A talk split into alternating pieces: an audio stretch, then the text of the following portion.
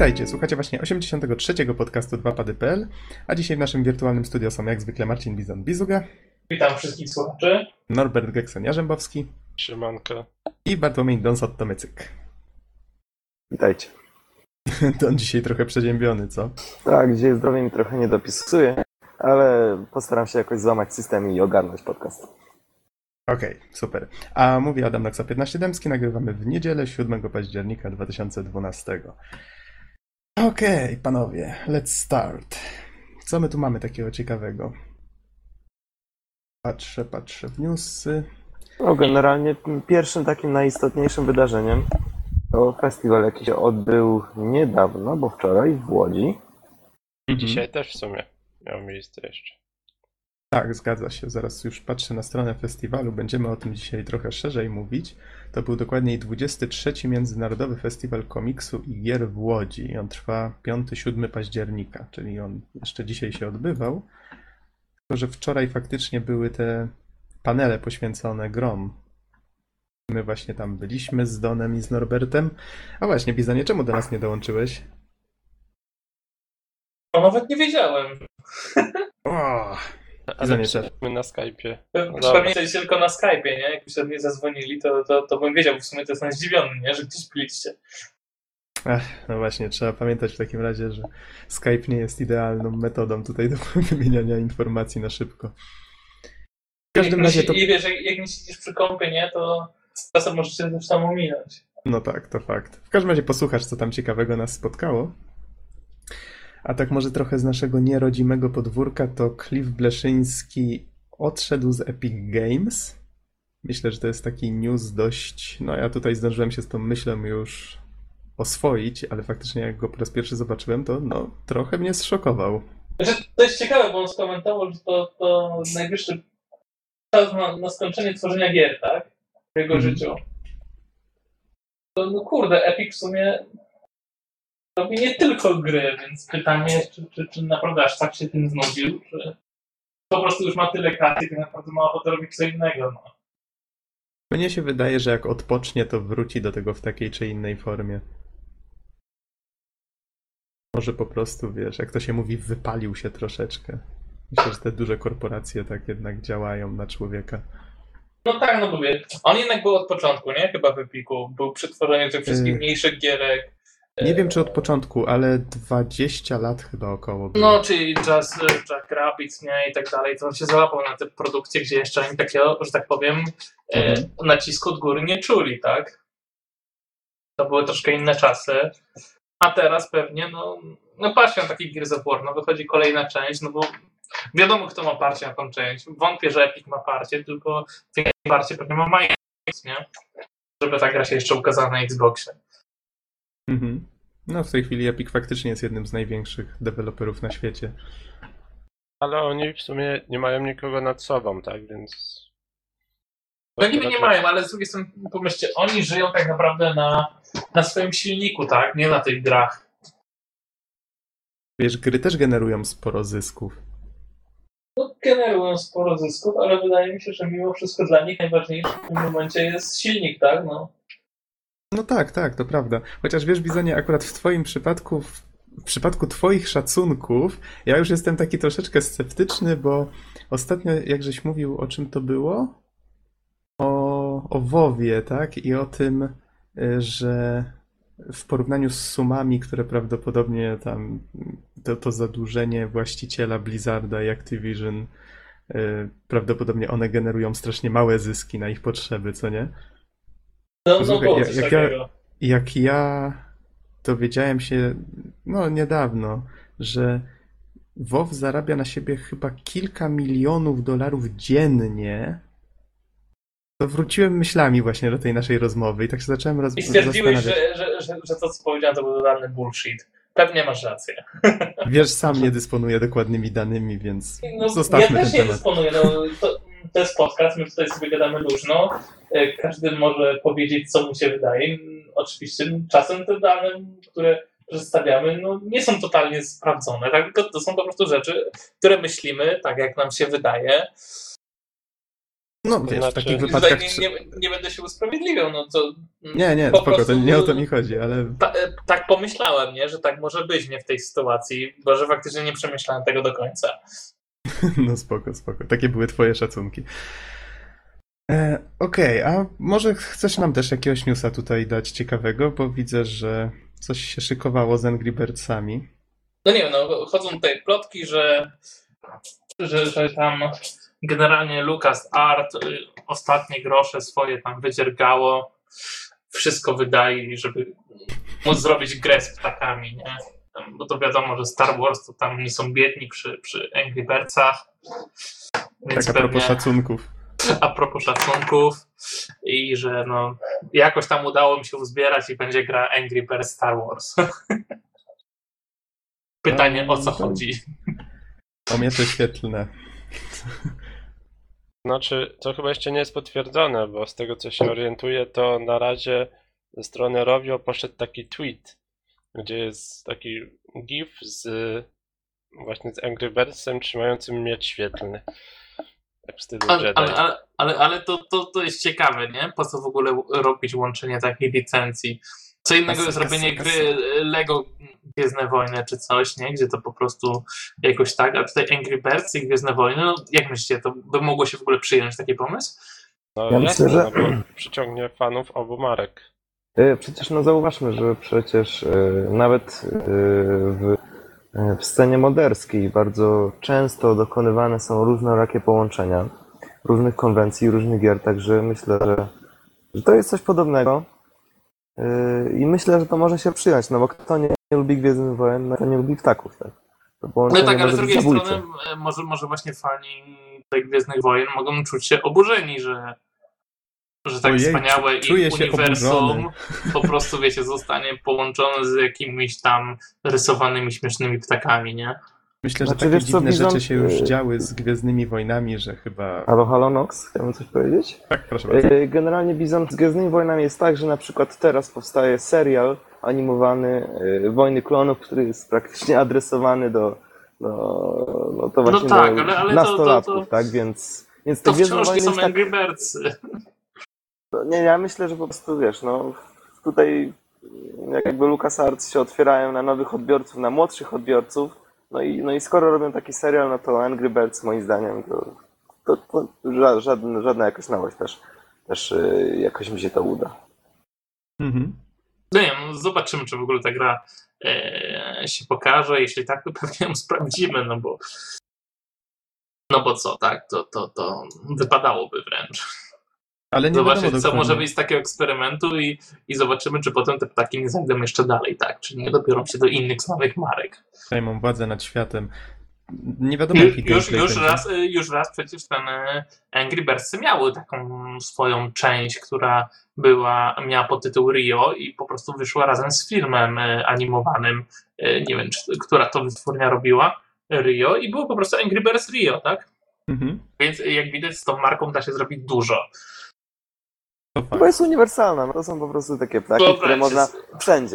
Ubierzesz tak, No. ptaka w płaszcz Jedi i proszę bardzo, już masz Gwiezdne Wojny. Czy tam No dobra, po- powiedzcie Dasz mi, mu garnitur i będzie hitmanem. Jest jakaś taka przesadziłem, marka, ale wiecie, jakieś o co takie chodzi. uniwersum, us- y, którego połączenie byście sobie, że tak powiem, życzyli z marką Angry Birds? I'm not interested. Jest taka opcja. Wiesz co, generalnie ten, yy, nie wiem, ale myślę, że mało jest takich marek, które mogłyby nie być połączone. Które by nie No pasowały. ale no, tak jakbyście mieli wybrać jedną. Hmm. Coś zabawnego by się przydało. Coś, co by stworzyło, no nie wiem, dysonans wszechświata. Niech będzie My Little Pony. O fuck, o fuck. To już przesadziłeś, ty przesadziłeś trochę. Ale to byłoby. Mind-blowing po prostu, no. Okej, może zostawmy Angry Birdsy. Jakby co, to jakby się pomysł komuś spodobał, to wiecie, gdzie przesyłać koperty i te sprawy. Tak. Dotacje, tak, o właśnie. Dobra, co my Do, tu do mamy dalej? redakcji dwóch panów. Dobra, ja tu mam Dość takiego, jasna. taki krótki news a propos Legend of Grimrock, o którym mówiliśmy jakiś czas temu. Mianowicie ukazał się już Dungeon Editor, można sobie tworzyć samemu własne podziemia. Ja jeszcze tego edytora nie testowałem. No, być może niedługo to zrobię, chociaż nie gwarantuję. Warto się zainteresować, niezależnie od tego, gdzie żeście grę kupili, możecie sobie ściągnąć teraz jej uaktualnioną wersję i będzie w niej właśnie ten edytor. Z tego co widziałem, jest całkiem prosty i przyjemny w obsłudze. Ja mam takie pytanko, czy GOG wprowadził jakiś system automatycznego patchowania dla tych nowych gier? Wiesz, to by się kłóciło z ich e, sposobem dystrybucji, bo oni teoretycznie nie wymuszają na, e, na użytkowniku korzystania z jakiejkolwiek platformy do ściągania, prawda? Jest Tak, ale platforma, platforma, albo mogli mieć swój własny installer dla każdej gry, To prawda? znaczy mają installer. No właśnie, znaczy- czyli on by mógł teoretycznie dbać o to, żeby... Mają coś takiego jak GOG Downloader. To działa na tej Mhm. zasadzie, że on po prostu ściąga ci instalator. Z tego co wiem, jeżeli ma zaktualizowany, y, zaktualizowane pliki jakieś, to on wtedy je dociąga sobie. Tylko, że ja z tego nie korzystam, bo tak naprawdę ja wykorzystuję go tylko, żeby ściągnąć ten instalator, zainstalować i kasuję potem ten instalator. Więc mnie to tak naprawdę nie robi żadnej różnicy. Ale, ale Słyszałem, jakby chcieli, to by mogli jakby launcher od gry rozbudować na taką opcję, nie? Niby by mogli, tylko że I, I to by wtedy się wcale nie kłóciło z... Myślę, że oni tutaj się boją troszeczkę, że to faktycznie by się zaczęło kojarzyć ze Steamem, a oni właśnie unikają tego jak ognia, żeby się kojarzyć ze Steamem. To nie jest Ale-.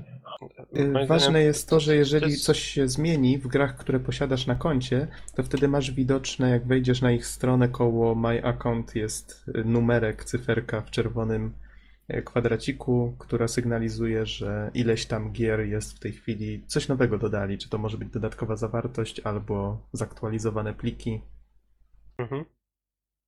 Okej, każdym ale razie tak, tak. szkoda, że, że tego nie dodali, bo, bo to jest jednak wartość dla, dodana dla użytkownika. Ale starczy. Znaczy, czytałem, że jest możliwość aktualizowania pliku, który już się pobrało. Tylko, że nie wiem za bardzo, jak to działa, nie wnikałem w to. Może tak odpowiem. Yy, W każdym razie ja sobie z Goga już pobrałem tą swoją zaktualizowaną wersję. Gra nie waży zbyt dużo, więc nie zrobiło mi to wielkiej różnicy. I później ją jeszcze będę testował, to dam wam znać. A skoro jesteśmy przy Gogu, to w sumie gdzieś tu miałem newsa, ale go chyba gdzieś zgubiłem. E, Wyszła taka gra, o której żeśmy już zresztą jakiś czas temu mówili. Się nazywa La Mulana. Nie jestem pewien, czy to dobrze czytam. Mulana. Tak się pisze właściwie. Zacząłem już trochę grać. Myślę, że ją zrecenzuję któregoś razu. E, Taka Metroidvania, jak to się mówi. Platformówka z otwartym światem. Z bohaterem przypominającym Indiana Jonesa, więc no, jak na razie same plusy dla mnie. Bardzo mi się podoba. Jakby ktoś był zainteresowany, to bodajże do wtorku jest dostępna 5 dolarów taniej. Kosztuje w tej chwili 10 dolców bez centa. To taka ciekawostka. No to jest nie, dostępna nie tylko na Gogu, tylko chyba oryginalnie wyszła w ogóle na e, WiiWare, z tego co pamiętam. Mhm. Ona ma w ogóle dość ciekawą historię, z tego co wiem. Ale to może już nie rozwijajmy, tylko No, kiedy jeszcze zbadam dokładnie temat, bo wiem, że ona teraz właśnie na WiiWare wychodziła w odświeżonej wersji, czyli ona musiała istnieć już wcześniej w tej swojej pierwotnej, prawda? Coś tam się mogło w niej zmienić. Z takich innych informacji mam tutaj newsa z cdaction.pl a propos Stalkera 2. To jest 30 września, więc to nie jest wcale taki nowa, taka nowa informacja. Wspominaliśmy już o tym wcześniej, tam były różne przeboje, plotki chodziły, że prawa do Stalkera 2 ma w tej chwili Bethesda. Jak się okazuje, nie jest to takie pewne. Może tutaj zacytuję. Serwis Stalker GSC.ru twierdzi, że pod koniec września w Kijowie Siergiej Grigorowicz, założyciel zamkniętego studia GSC Game World i właściciel praw do marki Stalker, spotkał się w Kijowie z Michaiłem Razumowem, prezesem firmy ZOW Habara, która współpracowała z ukraińską ekipą. Redakcja Stalker GSC.ru twierdzi, że mała, miała okazję porozmawiać z Razumowem. Z jego słów wynika, że Grigorowicz nie sprzedał, jak twierdziły niedawno plotki, praw do Stalkera 2 firmie Bethesda. Mało tego, prace nad grą nie zostały anulowane, a jedynie wstrzymane i będą nadal kontynuowane. No, tutaj skończę cytat. W każdym razie dalej jest mowa o tym, że szukają w tej chwili studia, które by się tym zajęło. Jak o tym czytałem na początku, to mi się skojarzyło trochę z jakąś e, a- aferą. Ten rozmawiał z tamtym, o tym i o tym i owym.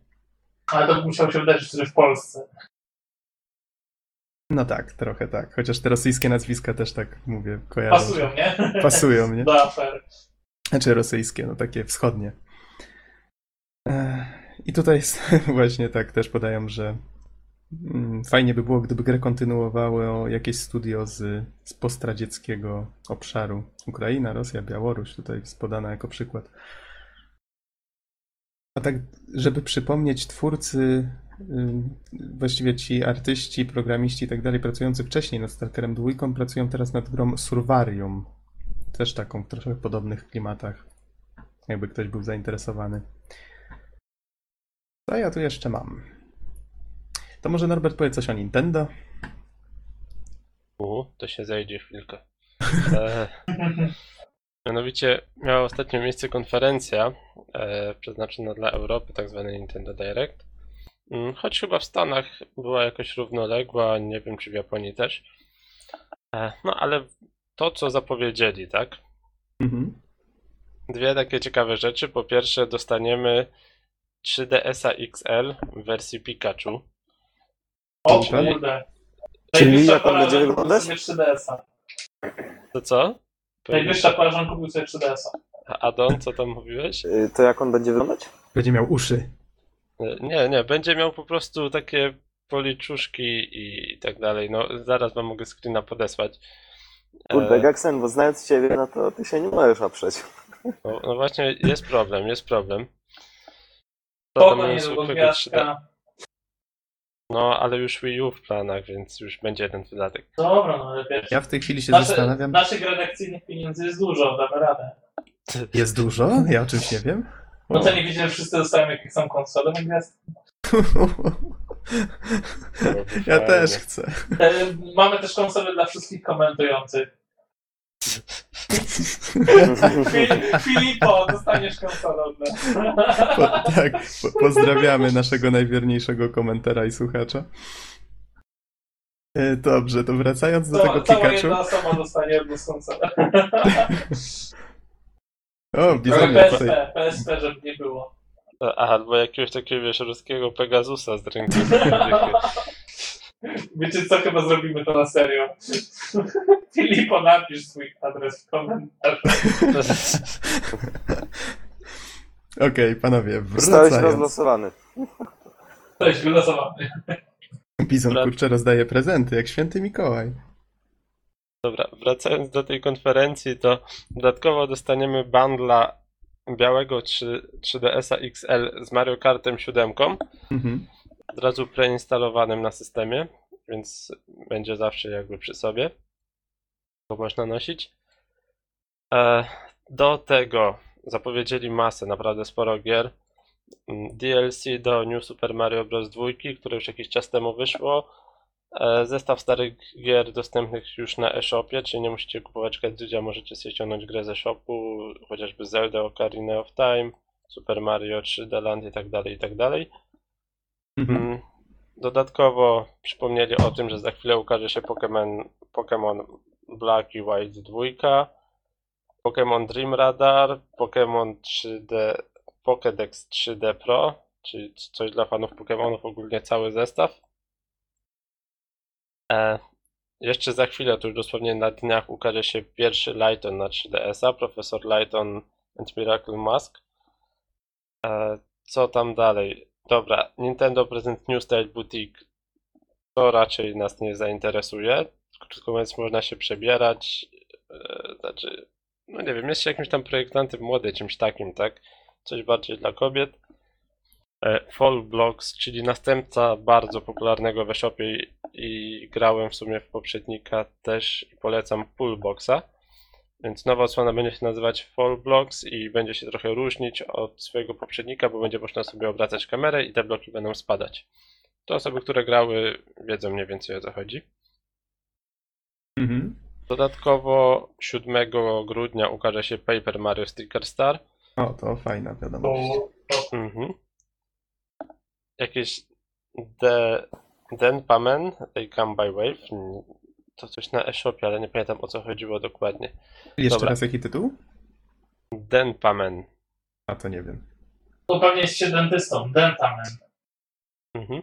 Poza tym, to co jest moim zdaniem bardzo ważne, e, ukażą się trzy gry od Level 5.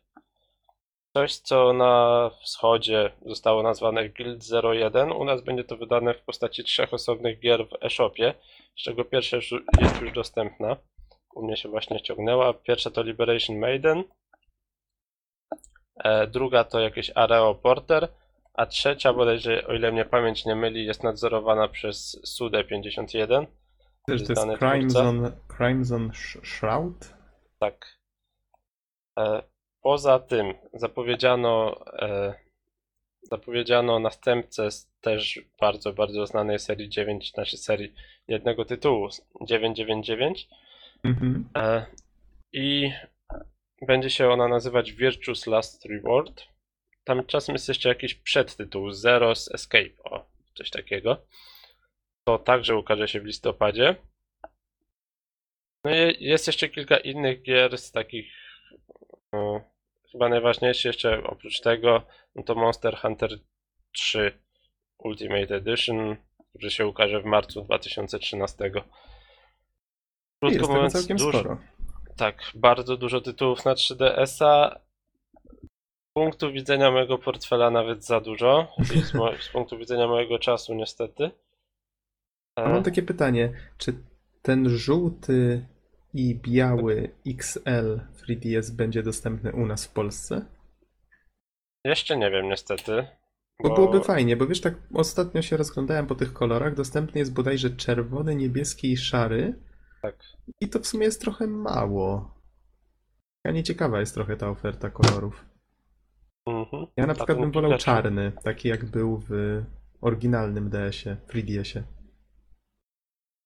No, nie wiem, może później wypuszczą.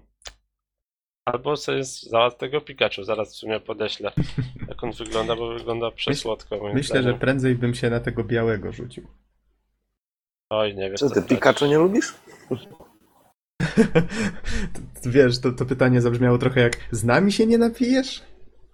Wszyscy uwielbiają Pikachu.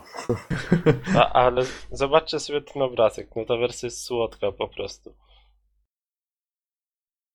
Już O, Okej. kurde, faktycznie. Szkoda tylko, że jest w tą stronę, bo gdyby dali w drugą stronę, to wtedy osoba, która. No tak jak, tak jak masz No otworzonego wiem. notebooka, co nie? Osoba, która patrzy na twój komputer z drugiej strony, powinna widzieć tą ozdobę. Ale i tak jest słodziutki. Nie da się ukryć. No, no i tyle odnośnie Nintendo, więc dużo, dużo załatwili z jednym zamachem. W sumie, tak z ciekawości, czy zapowiedzieli coś ciekawego na Vita ostatnio? Tak się orientuję? Ja nie śledzę niestety. Bizonie? Jedyny posiadaczu? Nie, nie wymienię teraz tytułów, ale wiem, że troszkę będzie się działo, nie? Na pewno teraz wychodzi ten Call of Duty Black Ops. To, to w tym momencie już. Mhm. No poza tym, no, naprawdę jest dużo tych takich yy, tytułów. Nie no pamiętacie, Assassin wychodzi, tak? Na, na pewno ten też Liberation, specja- tak? specjalna wersja również na PS Vita. No Więc- tak, tak. Sporo tych gier będzie, ale to wszystko już są gry, które były zapowiadane wcześniej, tak? Raczej, raczej nowych zapowiedzi to nie, niezbytnie. Trochę skromnie. Ale zobaczymy, zobaczymy. Mam Natomiast nadzieję, trochę teraz tak z ostatniej chwili zauważyłem na Steamie, jest świetna promocja. Y, Jest THQ Hit Collection za 49,99 euro. To jest pakiecik zawierający praktycznie większość y, tych lepszych gier THQ.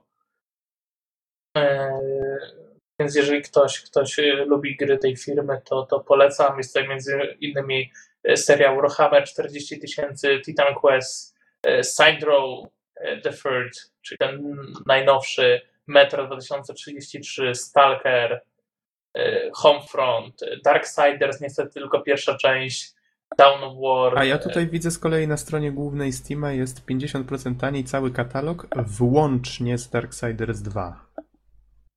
Jest Ale nawet Bizon mówi wymienione. o, o takiej paczce za 50 euro, gdzie możesz sobie kupić Tak, za... i Company Aha. of Heroes tutaj jest również. Łącznie, poczekajcie, policzę, 2, 3, 4, 5, 6, 7, 8, 9, 10, 11, 12, 13, 14, 15 gier za 49 euro na 50 euro. Nice, nice. Myślę, że jest bardzo jeżeli, jeżeli, jeżeli, jeżeli ktoś to kupi, to ma generalnie cały rok grania e, załatwiony. No, za cenę jednej gry na konsolę. Znaczy, A no, słuchajcie, jest, przesadzam, jesteśmy, ale jesteśmy przy Steamie. To może warto. Bizonie podeślij mi linka do tej promocji, to go zamieszczę pod podcastem. A może warto wspomnieć w takim razie o tym, że na Steamie zaczęły się pojawiać programy. Takie zwykłe programy, nie gry. No ale tutaj, tutaj, żeby było ciekawiej, to przed chwilą powiedziałem, że ile było? 15 gier w paczce? Tak? E, No tak, tak, tak. To dla porównania e, w katalogu Steama aplikacji znajduje się w tym momencie 7 programów. Uhu. Jest, w tym jeden z nich to Source Filmmaker, który jest oczywiście darmowy. Mamy dwa 3D marki. I jakieś inne programy, Camera Back, nawet nie wiem, co to jest za cudo. Game Maker jest. Jest i Game Maker Studio, więc no, nie ma tutaj w czym wybierać na razie. Ale na jestem, razie. Ale Jestem widać, ciekaw- że. Ja jestem właśnie bardzo ciekaw, czy to się rozwinie, czy oni będą mogli konkurować z Windows Shopem. Widać, że oni na razie celują w takie rzeczy, które mogą zainteresować osoby. Graczy bardziej, nie? Albo osoby tworzące gry też. Bo tutaj wiesz, masz jakiś program do malowania, jakiś program do grafiki trójwymiarowej. Nie jestem tylko pewien, czy to jest do modelowania, czy do jakichś innych operacji na obiektach. No masz Game Makera, wiadomo. Bo widzę też reklamę, nie wiem czy to było wcześniej na Steamie.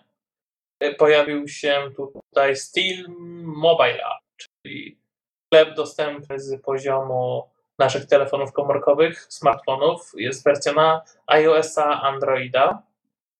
Mamy tutaj zarówno y, czat Steamowy, jak i sklep Steama w jednej aplikacji, czyli powiedzmy, że wracamy sobie autobusem do domu, czy siedzimy sobie w pracy i kupujemy sobie już gierki y, na Steama przez telefon. Powiedzmy, że komputer w domu jest włączony, to spodziewam się, że one zaczną się wtedy pobierać automatycznie. Jak wrócimy do domu, to będziemy mogli sobie pograć zwyczajnie. coś nowego?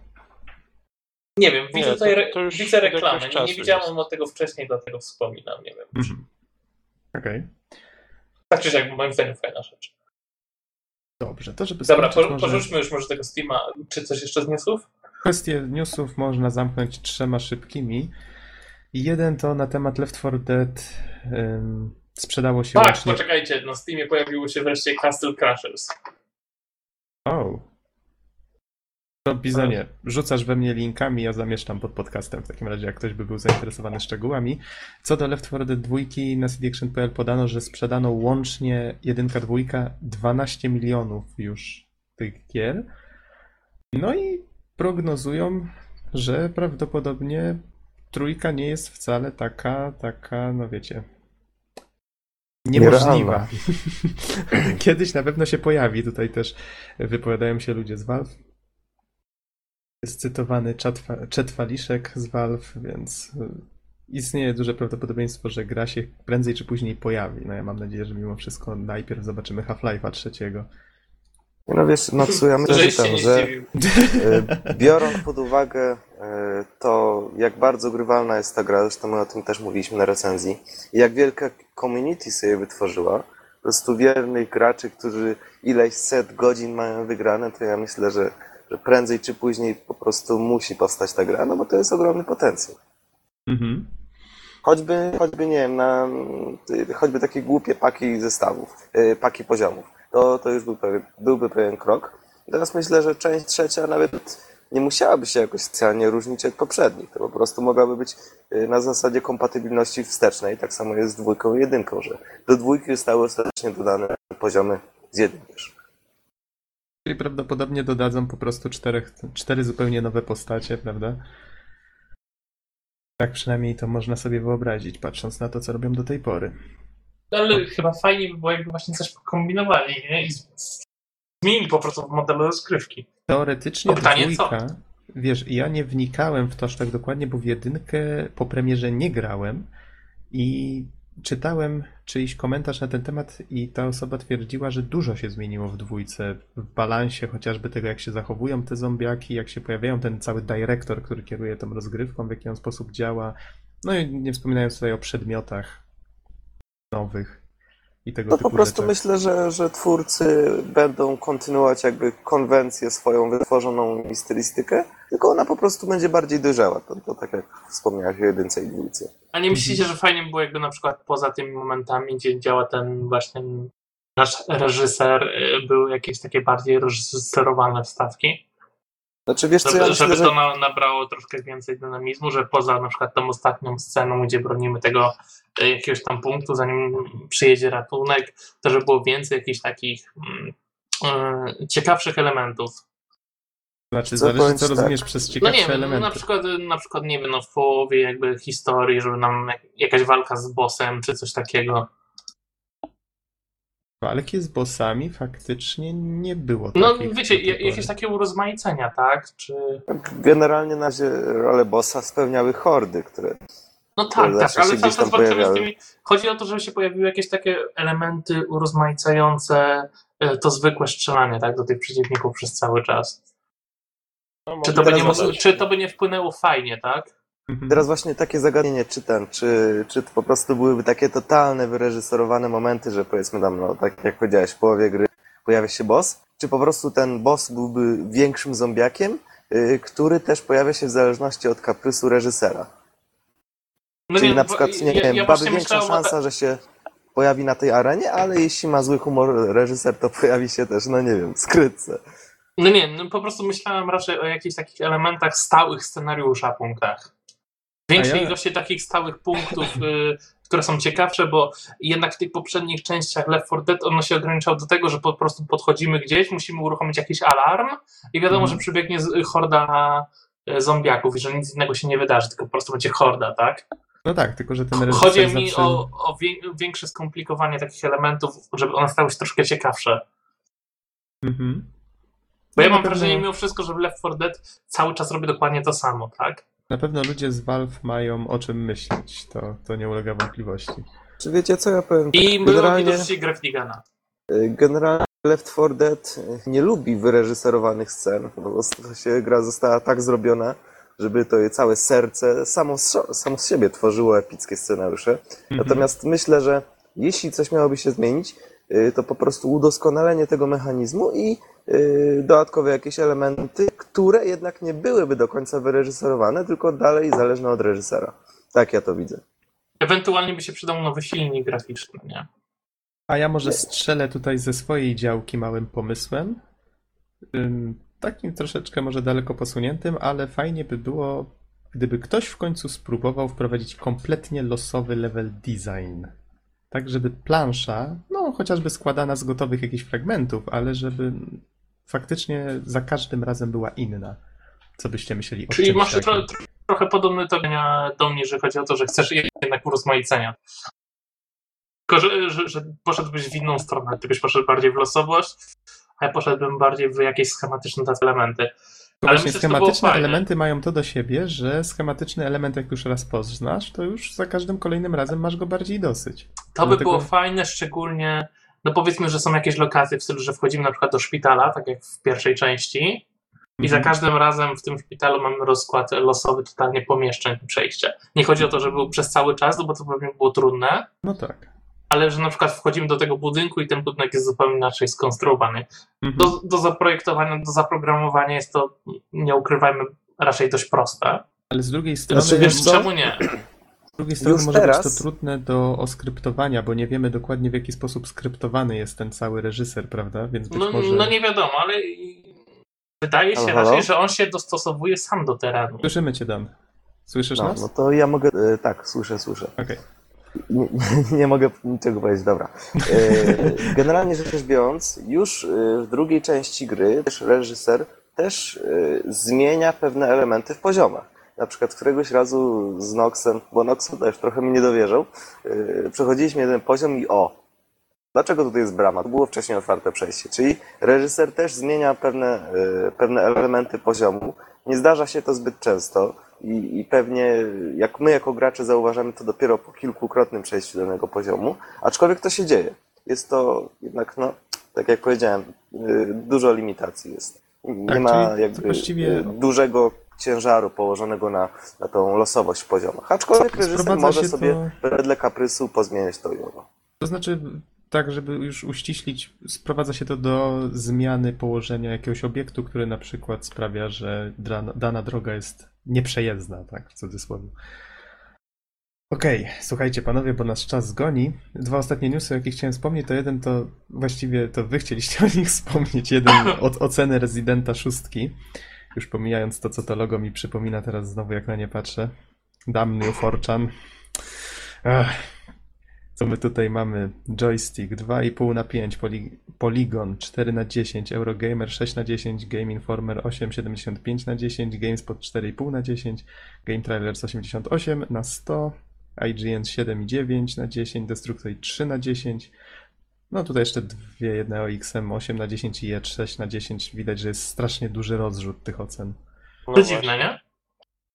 Bo Hmm. Od czasów Duke Nukema czegoś takiego nie było. Ja słyszałem, że najwięcej jest głosów mówiących, że o, miało być dużo kampanii, każda z nich miała się różnić na zasadzie, że jedna jest straszna, a druga jest bardziej nastawiona na akcję. Tymczasem okazuje się, że gra w ogóle nie jest straszna i to jest chyba najwięcej pomidorów leci właśnie z tego powodu. Chcieli biegać i strzelać, to mają.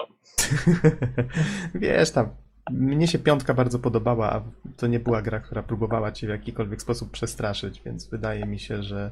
Słyszałem, że szóstka jest bardzo porządną grą i to mi wystarczy. Z chęcią bym zagrał, tylko nie mam w tej chwili telewizora HD, a wydaje mi się, że to dużo bym stracił w tej chwili. Padaj do mnie. Okej! I Konspira. Norbert, ostatni news od ciebie. Opowiedz nam o B-Mine 5 Bundle. Okej, czyli no, tak jak już Nox powiedział, nowy bundle ze strony Groupies.com. E, to, to już piąty, piąta edycja te- tej serii B-Mine. No i to co najfajniejsze w nim, no to od dolara możemy dostać King's Bounty i X-Blades. A no i jeszcze Neo Scavenger. X-Blaze to podobno jest super Co? shit. Tak, No jest- ale są cycki i jest goły tyłek i jest ok. I wszystko, Okej, jest, na, i wszystko, jest, już, wszystko jest już na okładce, więc w sumie nie musisz kupować. E, Lolololol. A jest okładka w zestawie w dużej rozdzielczości. o, A, ale King's Bounty to całkiem porządna gra. Masa fanów Herosów sobie chwaliła, no bo to jest podobna, nie takie samo, ale, ale jest podobna. taka ciekawostka, oryginalne King's Bounty wyszło przed Heroesami. Takie Tak? pikselki totalne, tak. To jest jakby powrót do, do korzeni. Mhm. Dodatkowo jest ten Neo Scavenger. E, gra tak wygląda na, na takie retro trochę, jak Fallout, coś w ten deseń, aczkolwiek no nie jest to taki RPG. E, Mhm. Nie, nie grałem, więc nie będę się wypowiadał. A jeżeli zapłacimy powyżej 5 dolców, to dodatkowo dostaniemy Tropico 3 i, e, I to już Stranger's polecamy. Wrath HD, tak. Tropico jak najbardziej, Stranger's Wrath grałem chwilkę e, i no nie wiem, nie wiem, no mam mieszane uczucia, tak? No trochę czuć, że, że gra jest stara i że to jest stara edycja HD, z drugiej strony jest sporo humoru. Mhm. No i do tego dostajemy dodatkowo komiksy, muzykę i inne tego typu rzeczy. I to sporo, sporo. Nie wiem ile dokładnie albumów, nie będę teraz liczył, ale około 5 plus 2 albo 3 komiksy. Więc moim zdaniem warto rzucić to, to 5 dolców, czyli 15 zł, no bo zestawik się robi całkiem porządny. Mhm. A ja jeszcze pod podcast wrzucę w polecanych filmikach coś, co mogłem wrzucić już w sumie pod poprzedni podcast, bo filmik się ukazał 30 września. Mianowicie Enter the Freeman Half-Life Film. Taki fanowski, krótkometrażowy filmik, 11 minut trwa, 11,5 minuty właściwie. Bardzo fajny i klimatycznie stworzony. Tak idealnie pokazuje, że można stworzyć krótki filmik, e, dysponując niewielkimi funduszami, jeżeli tylko ma się odpowiedni pomysł i, i faktycznie włoży się w to dużo pracy. Naprawdę polecam. Okej, i przejdźmy w takim razie do głównych tematów, czyli dzisiaj wspomnimy o, popowiadamy o tym festiwalu komiksu i gier i też postaram się dzisiaj tak krótko w miarę opowiedzieć o Prince of Persia The Forgotten Sons. Tygodnie temu bodajże przeszedłem. Jeżeli starczy czasu, to jeszcze Norbert opowiesz o jednej gierce, ale prawdopodobnie przełożymy ją sobie na kiedy indziej. Tak więc panowie, zaczynajmy. Powiedzcie, jak tam ciekawie wam się spędziło czas w Łodzi w sobotę. 6 Nie bo- października. Tak właśnie odwiedziliśmy taką imprezę z takim no, śmiesznym kotkiem i śmiesznym pieskiem w lodo, y, która, tak jak już wcześniej wspomniałeś, Noxu nazywa się 23. Międzynarodowy Festiwal Komiksu i Gier. Oczywiście ob obeszliśmy e, wszystkie stoiska, aczkolwiek najbardziej nas interesowały e, same gry wideo i kolekcje z nimi związane.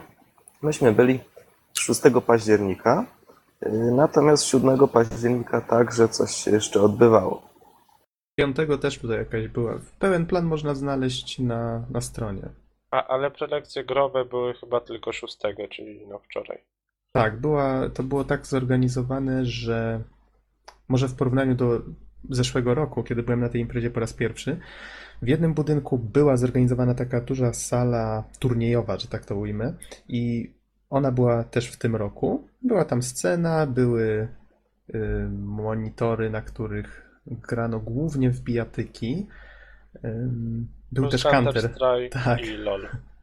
Tak, zgadza się, był też LOL i był duży, taki kilkumetrowy monitor, znaczy monitor, to był właściwie taka płachta, nie wiem jak to, rzutnik. No, ekrany, y, na które po prostu rzutniki rzucały Duży zaokrąglony, obraz z gry. duży zaokrąglony ekran, kilkumetrowy, tak, zgadza się, na którym y, był puszczony Borderlands 2 w wersji 3D. I to jedno wydało mi się dziwne, bo w sumie ekran prosił się o to, żeby pokazać wszystkim w sali, jakie to jest fajne i tak dalej, a tu puszczono 3D, którym tak naprawdę mogła się cieszyć tylko jedna osoba siedząca w centrum tego zaokrąglonego ekranu z okularami na nosie. Nie, nie, nie, no bo można sobie było wziąć okulary. Znaczy, było ich około 10, już- nie no, może przesadzam, no, było tak 5, 7 sztuk tych okularów, nie wtedy Mhm. trochę więcej. Aha, no to nie no, zauważyłem, nie, nie ale cała sala. Nie zmienia to faktu, że trochę dziwna zagrywka przy tak olbrzymim ekranie, prawda? No tak, tak. W każdym razie to była jedna sala. Zabrakło w tym roku takiej dużej, to się podaje, że nazywało Cyberarena. Był jeszcze w, w hotelu Centrum był właśnie taka duża sala, w której były jeszcze i inne gry. Też tam jakieś turnieje się chyba odbywały. Y, Aż tak dokładnie nie pamiętam. Na pewno były tam rozstawione kierownice z, z grom Formuły pierwszej od Codemasters. Pamiętam, że tam chwilkę spędziłem czasu. I oczywiście. Rok temu, a w tym roku tego niestety Tak. nie było. tak, w tym roku tego nie było, więc było trosze, trochę pod względem gier ym, bardziej ubogo. No i oczywiście te panele.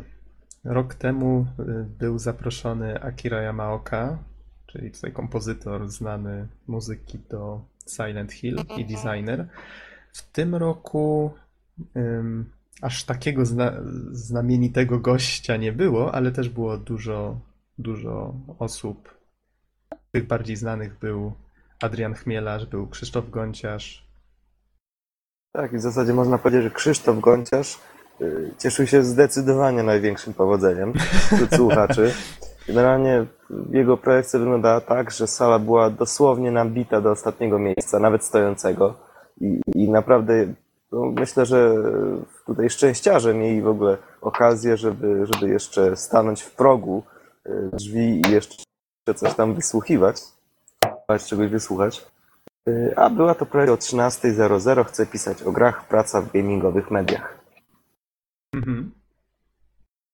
Z kolei, bo ile, ile właściwie było tych paneli? Ja już patrzę. One się odbywały w sobotę właśnie w Łódzkim Domu Kultury.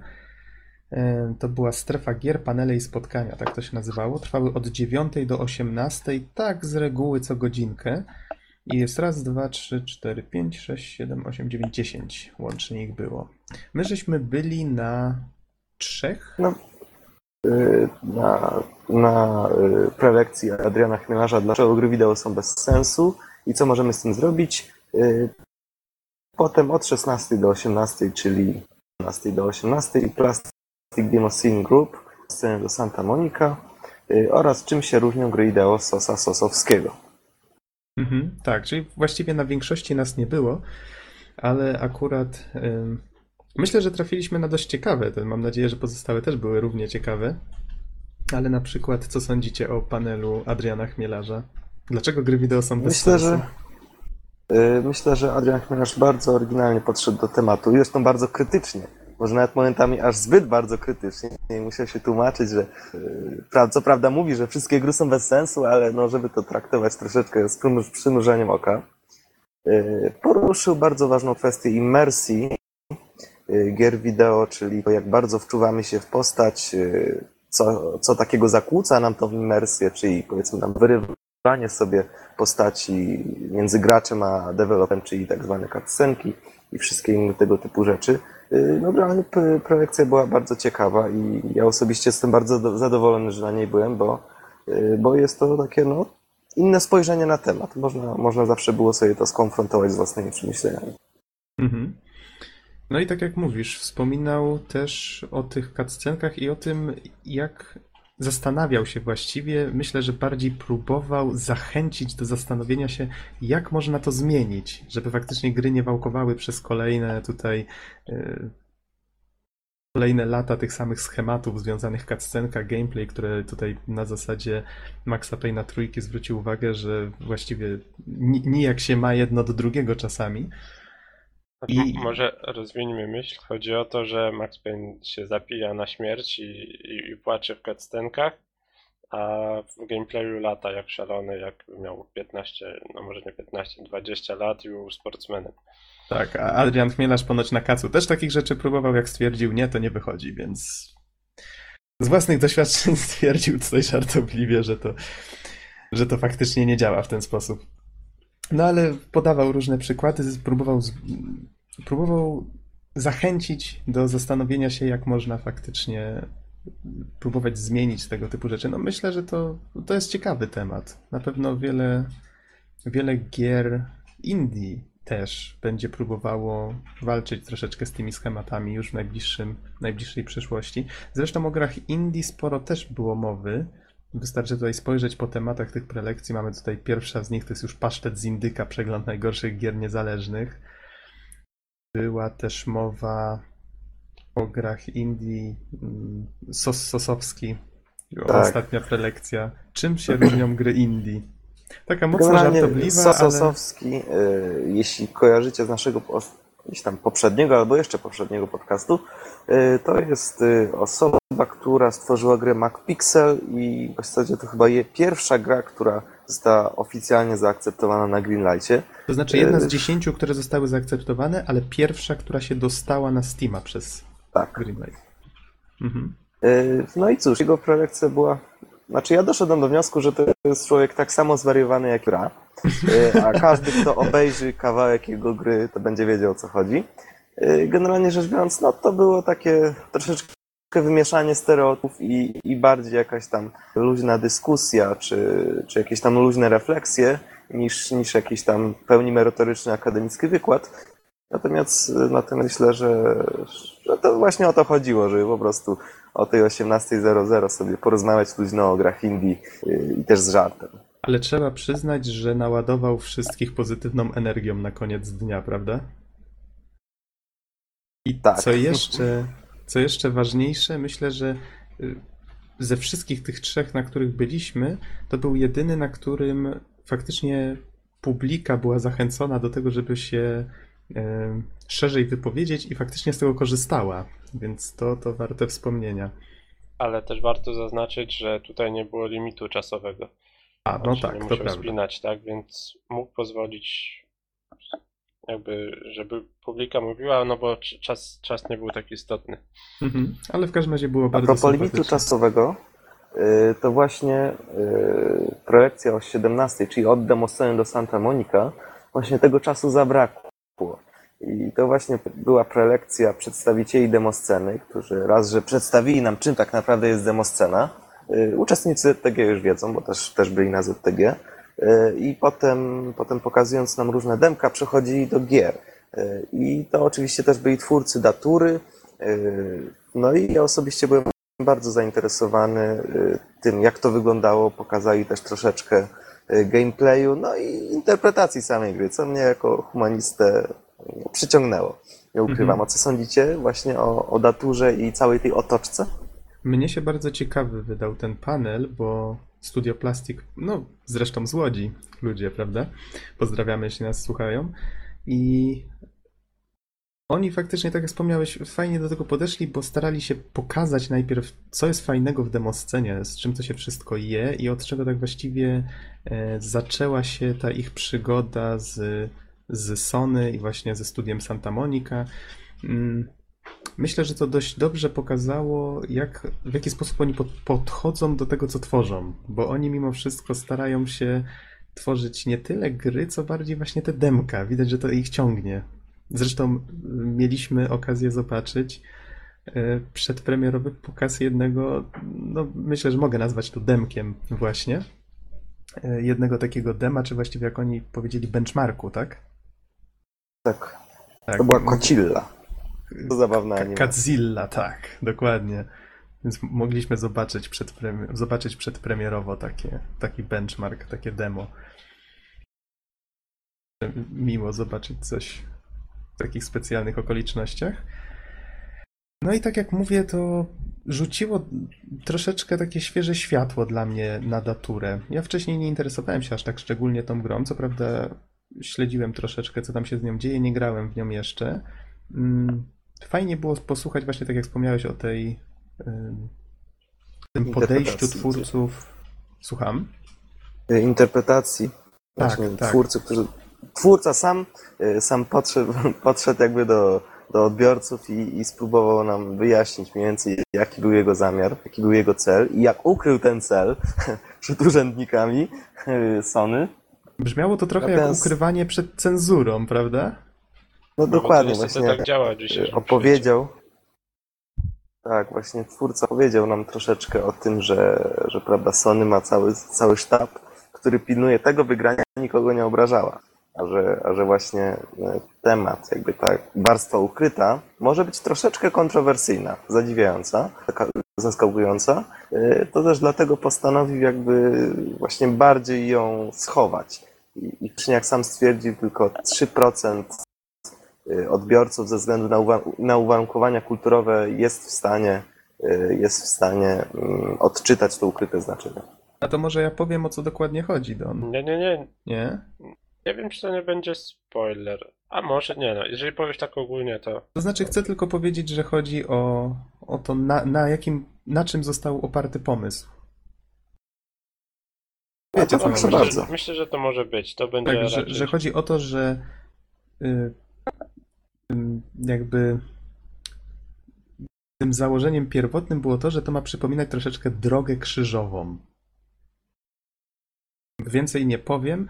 W każdym razie myślę, że ta jedna rzecz jest o tyle ciekawa, że y, tutaj twórcy sami przyznali, że y, nie pomyśleli o tym, że bardzo dużo osób na świecie może w ogóle nie, nie zrozumieć tego skojarzenia, jak się okazało, no faktycznie nie zrozumieli.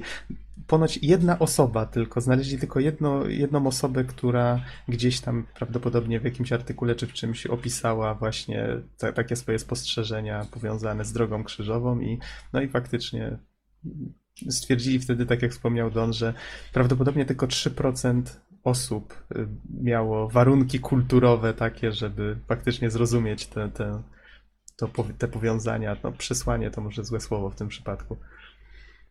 Ale tak, to był zdecydowanie ciekawy, ciekawy panel. No dobrze, i na jakich nas jeszcze nie było, może powiemy. Tutaj już mówiłem o tym, że pasztet z indyka, przegląd najgorszych gier niezależnych, było uwodzeniem mrocznym pięknem, czyli sztuka tworzenia gier dla pań. Artifex Piotr. Żygadło. Tak, Piotr Żygadło z Artifex Mundi. Oni właśnie tworzą gry typu Hopa, Hidden Object Puzzle Adventure. Groznawcy, czyli Uniwersytet Grający, to koło naukowe badaczy gier z Uniwersytetu Łódzkiego. Gadanie o gadaniu, o grach na przestrzeni wieków. To Maciej Makuła z Suchego Kanału. A ten pierwszy właśnie paszczet z Indyka to było Niezależne Piksele blogspot.com. Jak już tutaj wymieniam osoby prowadzące. Dalej to właśnie był panel Krzysztofa Gonciarza Chce pisać o grach, pisa, praca w gamingowych mediach, potem dlaczego gry wideo są bez sensu i co możemy z tym zrobić Adriana Chmielarza. Yy, Następnie gry niezależne i mainstream, sojusznicy, przeciwnicy, konkurenci, jawne sny.pl. Y, I Sleepwalker's Journey, gra casual z artystycznym posmakiem. Kacper Kwiatkowski i 11-Bit Studios. No i te dwie następne, o których już żeśmy wspomnieli, czyli Plastic Demoscene Group i czym się różnią gry indie. Powiedzcie panowie ogólnie, jak wrażenia? Ja uważam bardzo pozytywne, dlatego że no, nie byliśmy na wszystkich prelekcjach, w zasadzie nie byliśmy nawet na połowie. Mhm. Aczkolwiek y, te, które odwiedziliśmy, no, były całkiem ciekawe, interesujące. Mogły otworzyć też troszeczkę horyzonty i spojrzeć na kwestie gier pod innym kątem. Y, Ale co jest bardzo istotne, one nie były takim jakby sztywnym, merytorycznym, akademickim wykładem, y, tylko po prostu y, prelegenci pozwolili sobie też na trochę żartów, na trochę chwil rozluźnień, więc, więc wszystko to się odbyło w takiej, w takiej dosyć miłej atmosferze, zwłaszcza u Sosa Sosowskiego. Temu trzeba przyznać, że, że jednak towarzystwo rozruszyło. Tak, to prawda. To fakt.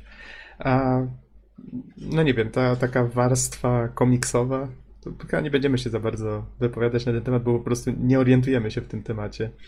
Znaczy Ale wiesz co, my z Geksenem y, wbiliśmy na, na początek jednej prelekcji y, o tytule Hitman i inni, w nadziei, że to będzie ten Hitman. To nie był ten Hitman, więc wyszliśmy. Haha, rozumiem. Okej, no to może w takim razie po- pomińmy temat komiksów. Norbert, a tobie jak się, jak, jakie wrażenia po imprezie jako takiej? Właściwie po części tej imprezy, bo my tutaj się skupiliśmy na konkretnych, konkretnych rzeczach. Szczerze to byłem trochę rozczarowany tym, że jednak gorzej wypadła niż rok temu. Mhm. Przynajmniej tak w moich oczach, bo jednak no nie było tej jednej dużej, no bo to była jednak duża sala taka dla graczy. Podejrzewam, że gdyby ona była, to też trochę mniej osób byłoby na tych prelekcjach, byłby rozładowany ten ruch. A tak to było trochę tłoczno też na tych prelekcjach, tak? My sobie potrafiliśmy całkiem niezłe miejsca znaleźć, ale no nie wszyscy tak, tak chyba sobie radzili z tego co widziałem. Znaczy wiecie co, moim zdaniem świetnym pomysłem były, były po prostu dwie sale do gier. I, I prelekcje mogłyby być wtedy wydłużone nawet. No. Zobaczymy, zobaczymy. Może w... słyszałem od e, chłopaków z checkpointu, że to wygląda tak, oni tutaj nie, nie mają wcale daleko do tej imprezy, więc byli pewnie na większej ilości edycji niż ja. I mówili, że to tak jest właśnie, że rok po roku, że jest trochę bardziej nacisk na gry, następnego roku trochę bardziej nacisk na komiksy i tak, tak w kółko, taka para, tak, tak, co ja mówię, sinusoida. To co, to będziemy odwiedzać co drugi rok tą imprezę w takim razie. E, no wiesz, mam nadzieję, że tutaj się będzie Nie no. rozrastać. Na pewno, znaczy mo- może tak skrytykowałem, ale Mhm. wykłady były ciekawe. Tutaj swoją drogą brawa dla prowadzących, bo, bo widziałem wiele różnych wykładów na różnych konferencjach i one były poprowadzone po prostu w sposób ciekawy, tak. E, przynajmniej te, na których byłem, naprawdę genialnie. No Może i to wynika z jeszcze. tego, że, że ci ludzie są zainteresowani tym, co robią. Mhm. A tutaj tak pół serio, pół żartem powiem, że y, tym bardziej trzeba zwrócić uwagę na to, że to było ciekawie prowadzone, bo nawet jak się zaczęła kamienica obok palić w trakcie Plastic Demoscene Group nie, do tej pre- prelekcji, to i tak to i tak wszyscy zamiast patrzeć na to, co się dzieje za oknem, to słuchali uważnie. Znaczy był ten element y, distraction, wszyscy nagle przez, przez no, ale potem powróciliśmy. No wiesz, jak zaczęły wszystkie syreny hałasować na zewnątrz, to nic To dziwnego. i rzucił hasło, to się kamienica pali, wszyscy na okna. tak, dokładnie. E, A jak wam się no, pod... Właśnie, a tak jeszcze z ciekawości, jak wam się podobał pokaz y, cz- czapeczki do, do Move'a? ciekawy, ciekawy pomysł, powiem. Tak, bo to była da, datura, została nam zademonstrowana i z Move'em, bo jak żeśmy się dowiedzieli, obsługa pada została dodana tylko i wyłącznie na życzenie Sony już pod sam koniec prac, więc dlatego jest ponoć tak słaby. Ja nie miałem okazji testować, więc nie wiem. I, i, i oprócz tego, że tą ręką twórca pokazywał właśnie tą wirtualną ręką, jak move'em poruszał, to jeszcze doczepił sobie jednego move'a do takiej czapki, e, jak się nazywały takie czapki? Papaja taka. Lotnicze, tak. O, o, o, o, no właśnie, coś, coś w tym stylu. Lotka, tak? Lotka. No i zaczepił sobie tego muwa właśnie tym jednym na, nausznikiem, czy jak to nazwać właściwie i, i poruszając głową widać było, że postać też reaguje na, na ruchy głową. To, to było bardzo To ja jestem, ja jestem generalnie zobowiązany teraz, żeby wspomnieć, Aha. że już obecnie coś takiego także jest na pecety. Ktoś, ten system się nazywa EarTrack. Ja już tam troszeczkę z nim, z nim obcowałem, w sensie czytałem o nim yy, i, i, i oglądałem wideo. I na przykład no, gracze i, Iła dwójki i szturmowika, faktycznie za pomocą kamerki na podczerwień i kilku czujników na, dwóch czujników na każde, na każde ramienie jeden czujnik yy, i gdzieś tam w okolicy uszu i, i trochę powyżej czoła. I faktycznie wtedy y, postać porusza się w grze tak jak w tej kabinie samolotu, tak jak my poruszamy ramionami i reaguje także na poruszania głowy, więc Mhm. coś takiego też na PC istnieje i myślę, że to jest temat warty zgłębienia, jeśli ktoś y, gra w tego typu gry, jak na przykład Szturmowik, czy jakieś tam inne, które mogłyby wykorzystać te, ten system. A to może, nie wiem, czy chcecie coś dodać do tego tematu, czy taki następny mi się przypomniał ciekawy. No, Czy myślę, że to znaczy- byłoby na tyle. E, to mianowicie w pewnym momencie Chmielarz powiedział, że e, o, il, o ile dobrze zna specyfikację nowych konsol, znaczy tutaj tak parafrazuję jego słowa, tak, to będą one mocniejsze od obecnych PC-ów. I że znowu trochę zajmie, nim PC-ty je dogonią. Tak, faktycznie. E, Znaczy tutaj pewnie mowa o PC-tach w sensownej cenie, mo- może to, to też warto zaznaczyć, E, ale krótko mówiąc, coś już majaczy, tak? No i ja, ja jednak, ja wam powiem, że jako PC-ciarz, no to czekam po prostu na, na nową generację konsol, dlatego, że mam dość grafiki, która stanęła w roku 2007 i od tej pory stoi w sumie. No i naprawdę to, to, to nie wygląda dobrze. Trochę jest czekam tym tak prawdy. nowe konsole. Mhm. Tak, Nie, nie dlatego, że je trochę. kupię, tylko dlatego, że chcę, żeby w końcu ten rynek się trochę ruszył, no bo jednak stoi w miejscu i to bardzo to widać. Okej, panowie, czyli chcecie coś jeszcze dodać do samego festiwalu, czy przechodzimy do Księcia Persji?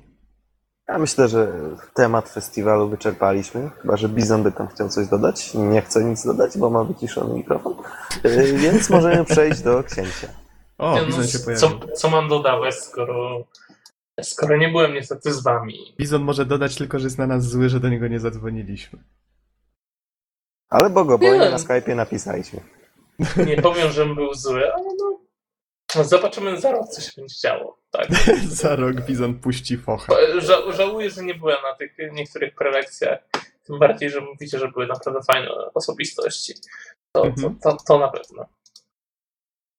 Okej, fajnie Bizonie, że jesteś, już myślałem, że zniknąłeś, bo wiem, że grałeś już w Prince of Persia The Forgotten Sands. A nawet, nawet robiłem jakieś recenzje. Nawet, No właśnie, też, te- też żeś mi przypomniał, bo ja w sumie zapomniałem, że już była u nas recenzja, przynajmniej mam nadzieję, że to była recenzja, bo nie sprawdzałem aż tak dokładnie. Mam Tego nadzieję, że, pa- wiesz, nikt nie pamięta. mam nadzieję, że pamięć cię nie myli. Mam taką razie- nadzieję. Może z takich danych czysto technicznych gra wyszła w 2010 w maju. Na Xboxie 360, na PlayStation 3, na Wii, Nintendo DS, PlayStation Portable, z czego, z czego orientuję się, że wersja na Wii jest zupełnie inną grą, na DS-ie prawdopodobnie też i PSP prawdopodobnie też, ale ja jestem pewien tylko do, co do wersji na Wii. No tutaj przenośne to wiadomo, że musiały być jakieś inne.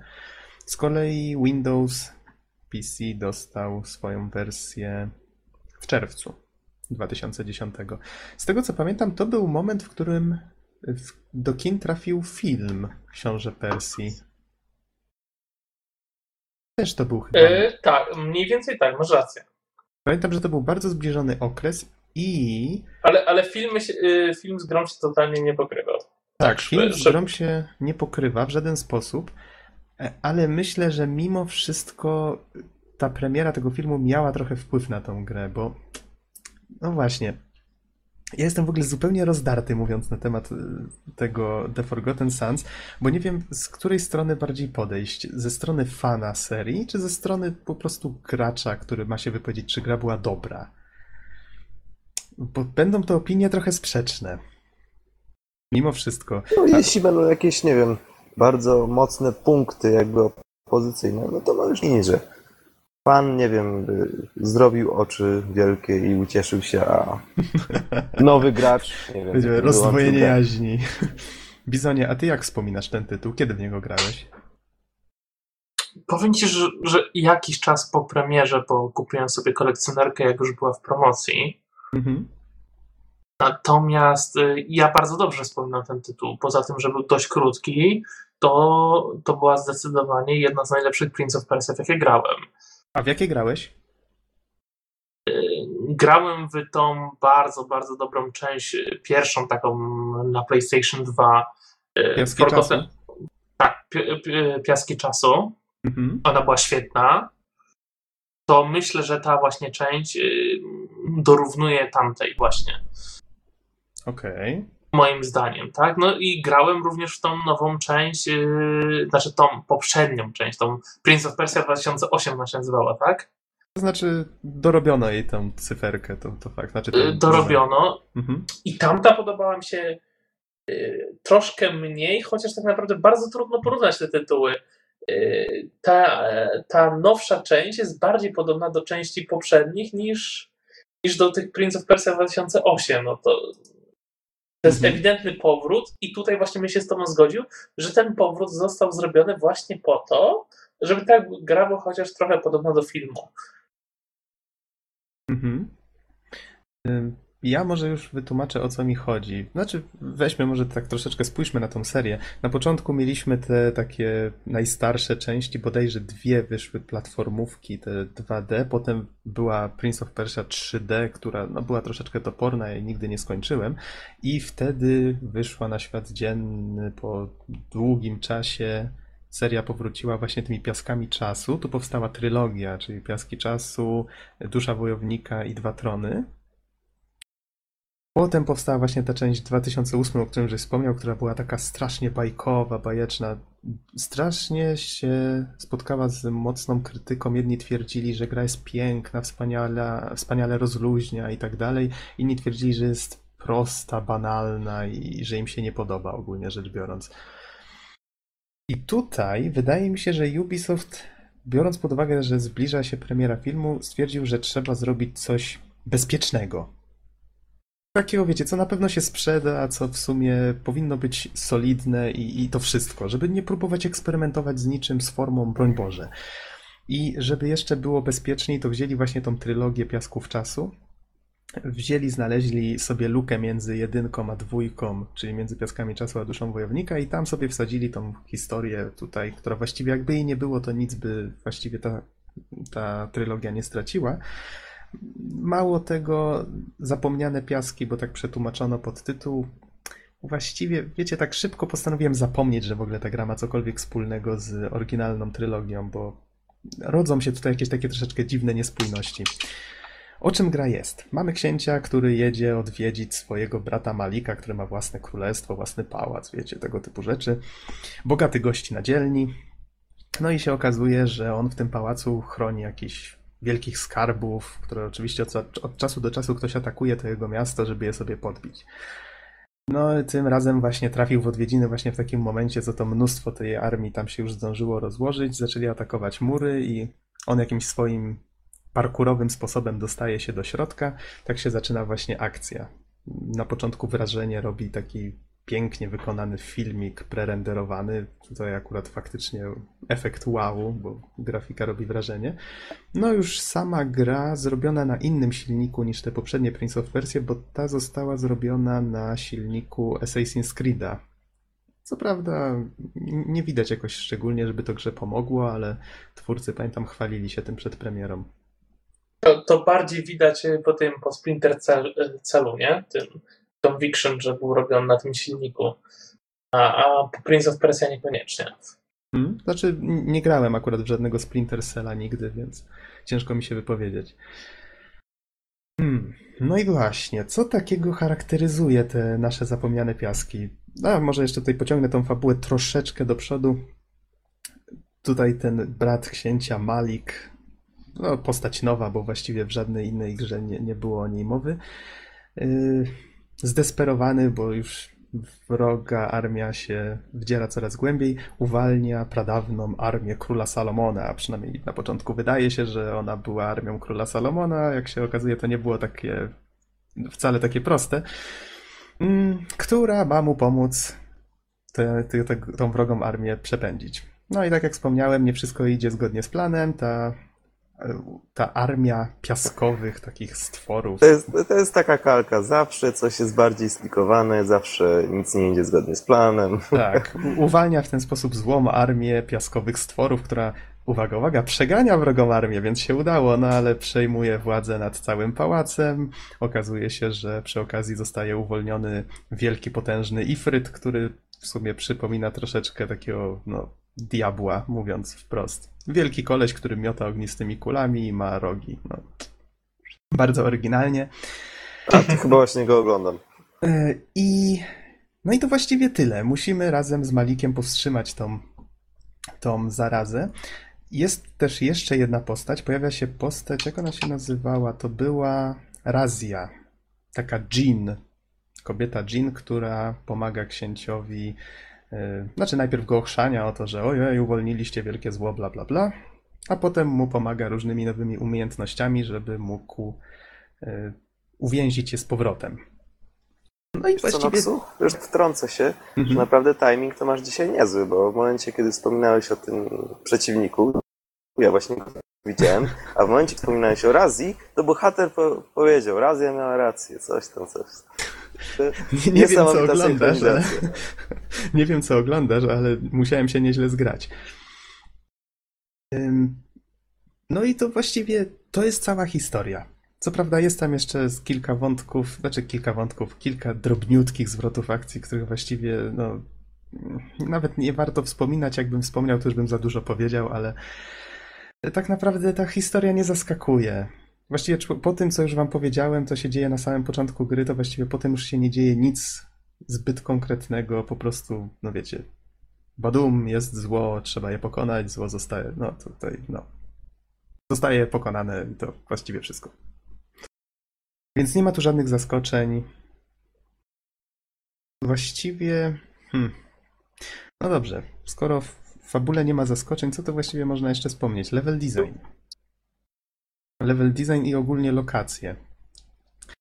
Tu jest problem taki sam jak z fabułą. Tak samo jak fabuła wydaje się taka troszeczkę nijaka, tak samo tak samo wiecie, z, z tym level designem niby fajnie są zaprojektowane te wszystkie plansze, niby te wszystkie zręcznościowe elementy, które zawsze serii towarzyszyły i które zawsze były najważniejsze e, w Księciu Persji, to wszystko tu jest. Gra się bardzo fajnie, bardzo przyjemnie, wręcz dawno nie grałem żadnego Księcia Persji, więc tym bardziej mm, przechodziło mi się to bardzo fajnie. Ale wszystkie te miejsca w tym pałacu, czy to są sale jakieś, czy to jest jakiś skarbiec, czy to są jakieś kanały, czy to są jakieś, yy, no nie wiem, łaźnie albo ogrody, one wszystkie wydają się strasznie do siebie podobne. Różnią się bardzo niewiele. Tak, to fakt, stylistyka jest taka bardzo, bardzo, bardzo spójna wszystkich elementów w grze, to pamiętam. Spójna to dobre, dobre określenie. To jest wszystko spójne, ale jest też takie nijakie jak, jak ten piasek, który jest tym motywem przewodnim, bo właściwie ta kolorystyka piaskowa nam towarzyszy tu non-stop. Wszystko jest takie właśnie ni to, ni to pomarańczowe, ni to takie ziemiste, o może w ten sposób. Piaskowe to w sumie dobre określenie. I właściwie dobrze, że gra nie jest długa, bo to myślę by ją dobiło w pewnym momencie. Gameplay jest fajny, jest solidny przede wszystkim. Y, Mamy tutaj spowalnianie czas, znaczy spowalnianie, mamy tutaj cofanie czasu, czyli to, co zostało wprowadzone w piaskach czasu i właściwie to jest coś, co się najbardziej kłóci z tą oryginalną trylogią, mianowicie skąd książę, nie mając tego sztyletu z jedynki, może tutaj cofać czas. A no bo cóż, Jin dał mu moc cofania czasu. Okej, nagle okazuje się, że dżiny potrafią cofać czas. Tadam. A kto Boga temu zabrał? No, no właśnie, I, ale wiesz, to, to się strasznie kłóci z tą poprzednią trylogią. Po prostu przestałem w pewnym momencie zwracać uwagę na to, że to jest ta sama historia. Nie, nie powinno się przy tej części, zdecydowanie nie. Tak, tak, można o tym zapomnieć i się nic nie straci. Zresztą, tak jak wspomniałem, fabuła jest banalnie prosta, więc to tutaj jakoś nieszczególnie przeszkadza. Wiesz co, Nox, ja generalnie Mhm. teraz właśnie oglądam ten gameplay i próbuję sobie jakoś to syntetyzować. Mhm. E, I w zasadzie moje wrażenia są takie, że to jest dosłownie Tomb Raider z mężczyzną. Nie to samo. Nawet niektóre motywy są bardzo podobne, czyli e, ostrza w ścianach, e, różne elementy wspinania się, no dokładnie to samo jakby. Mhm. To Widać, że jednak elementami, no, platformówki są do się miejscami bardzo podobne. to z tymi elementami wspinania się jest tu dosłownie, no, no jest tu tutaj ze cztery te umiejętności były bodajże dostawane od Gina i w sumie jedyna, która jest warta wspomnienia, tak naprawdę, to jest zamrażanie wody. Mamy tutaj taką To jest umiejętność. bardzo, fa- bardzo fajne i efektowne, nie? Tak, to jest I fa- jed- fajnie wykorzystywane przede wszystkim. Mhm, zgadza się. To jest taki jedyny motyw, który można powiedzieć, że faktycznie w poprzedniej Prince of Persia tego nie było i że tu jest taka cecha wyjątkowa tej gry. To mogę przyznać z czystym sumieniem. Mamy, działa to w ten sposób, że mamy klawisz, który jak przytrzymamy, to cała woda wokół y, zamienia się w lód i na przykład wodospad staje się ścianą, od której możemy się odbić, a na przykład y, nie ściana, tylko lecąca taka, wiecie, woda, słup wody zamienia się w słup lodu, więc automatycznie staje się no, ta- tak jakby filarem. Właściwie działa to wtedy tak samo jak, jak takie zwykłe kamienne filary. Tak, Fajnie. tylko że tutaj bardzo fajnie akrobatycznie jest połączone to, że trzeba e, przeskakując bardzo często na zmianę zamrażać i odmrażać te słupy, żeby się dostać w różne miejsca i to trzeba robić tak totalnie w locie. Tak, To, tak. to, to wytwarza bardzo fajne elementy akrobatyczne, które po prostu wcześniej nie istniały e, takie, takie. Mhm. To są po prostu nowe elementy akrobatyczne tej serii. Tak, bo mamy tutaj przycisk, który jak trzymamy, to zamrażamy, jak puszczamy, to odmrażamy. I dobra jest tutaj krzywa uczenia. Przez całą grę mamy najpierw takie proste w sumie. Zawsze jak dostajemy jakąś nową umiejętność, to mamy proste elementy z nią związane, czyli właściwie zapoznajemy się z tym, jak to działa, a pod koniec gry zaczyna być coraz trudniej. Tak jak Bizon wspomniał, musimy w pewnym momencie na przykład chwycić się takiego lodowego słupa, odskoczyć od niego, wyłączyć zlodowacenie, żeby przelecieć przez wodospad, potem włączyć z powrotem, żeby złapać się następnego słupa i tak dalej, i tak dalej, więc to To naprawdę fajnie, fajnie jest tak, że, że faktycznie ta gra dopiero pod koniec czujesz, że wykorzystuje wszystkie te umiejętności mhm. i, i czujesz tak naprawdę się e, zadowolony. Jest, jest po prostu satysfakcja płynąca z zakończenia tych ostatnich etapów. Mimo wszystko gra nadal jest prosta. Nawet bardzo. I wiesz co, zdziwiło mnie to, że pamiętasz jak ludzie krytykowali właśnie tą Prince of Persia 2008 za to, że ojej, jaka ta gra jest banalna, w niej się nie da zginąć, no bo tam za każdym razem ta Elika cię ratowała, czy spadałeś, czy cokolwiek robiłeś. Z kolei tutaj można, no po prostu. Stracisz, nie wiem, spadniesz gdzieś, nie, nie cofniesz czasu, albo właściwie to cofanie czasu zostało tutaj dodane tak, żeby było. Właściwie bardzo często zapominałem, że je mam. To te, też jest taki dodatek po Chyba, prostu. one chyba średnio ratowało, nie? Z tego co pamiętam przy takich dłuższych sekwencjach. Znaczy, wiesz, przydawało się czasami, czasami. Po prostu. Ale, ale tak czy siak, masz rację. Gra mimo, mimo dużej ilości tych elementów akrobatycznych daje satysfakcję, ale nie jest trudna. Mhm. Ale wiesz, co mnie zainteresowało? Jest tu po prostu ten, ten no, nazwijmy go game over, prawda? Ale on działa na tej zasadzie, że przegrywasz, książę ginie i nagle pach i pojawiasz się przy ostatnim checkpoincie.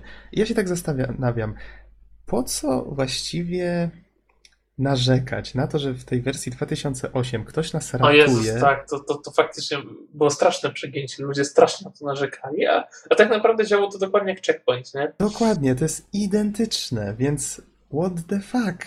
Tylko, że była animacja, tak? Zamiast odrodzenia się po prostu. No właśnie, wiesz, ale to jest też ciekawe, może warto na to zwrócić uwagę, może to jest taka, wiesz, część psychiki, że faktycznie jak giniesz, no to teoretycznie, no cóż, zginąłeś, no pojawiasz się przy checkpoincie, no ale masz świadomość, że to był koniec w pewnym sensie, prawda?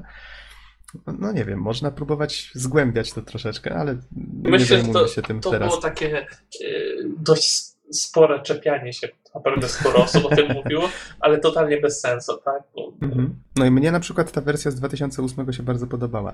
I jeszcze jedna rzecz, którą musimy wspomnieć na temat zapomnianych piasków, to walka.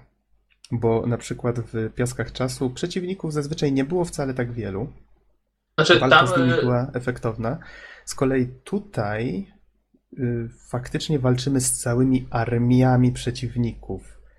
Problem jest taki, że te, nie są zbyt zróżnicowane te modele. Widać, że ta gra była robiona strasznie oszczędnie. Tak samo jak otoczenie zazwyczaj nie zmienia się jakoś szczególnie, tak samo jest podobne, no przynajmniej do siebie. Tak samo tutaj przeciwnicy praktycznie przez całą grę przewijają się ci sami. Różnią się co najwyżej wielkością i, i tym, jak musimy sobie z nimi radzić.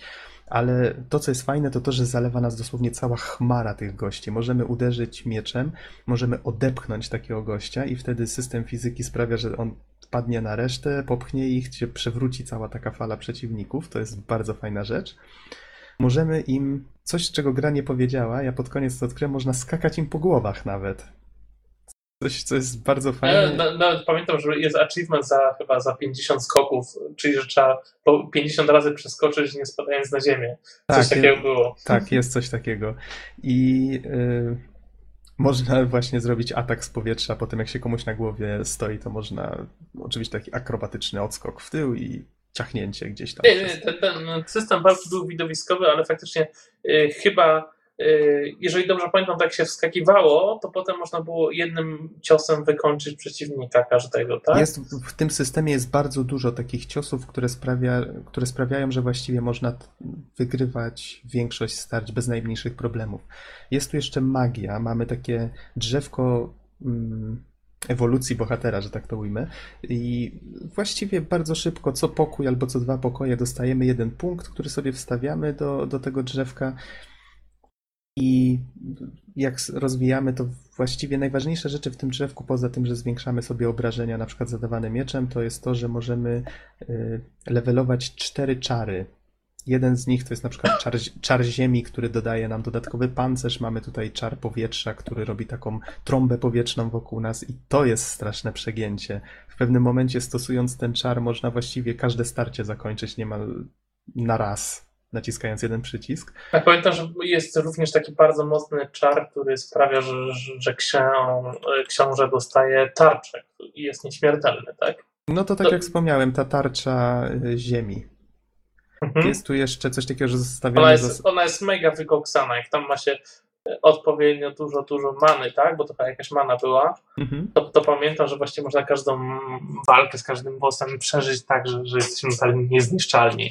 No właściwie nie dostajemy żadnych obrażeń od ciosów. Więc Dokładnie. tak. Mamy tutaj jeszcze czar lo, y, lodu, tak, zgadza się, no, który właściwie jak zaatakujemy w daną stronę, to powstają takie kolce przed nami. To jest fajne efektowne też. I czar ognia, który zostawiamy za sobą taką smugę. Jak ktoś w nią wdepnie, to wtedy też się podpala.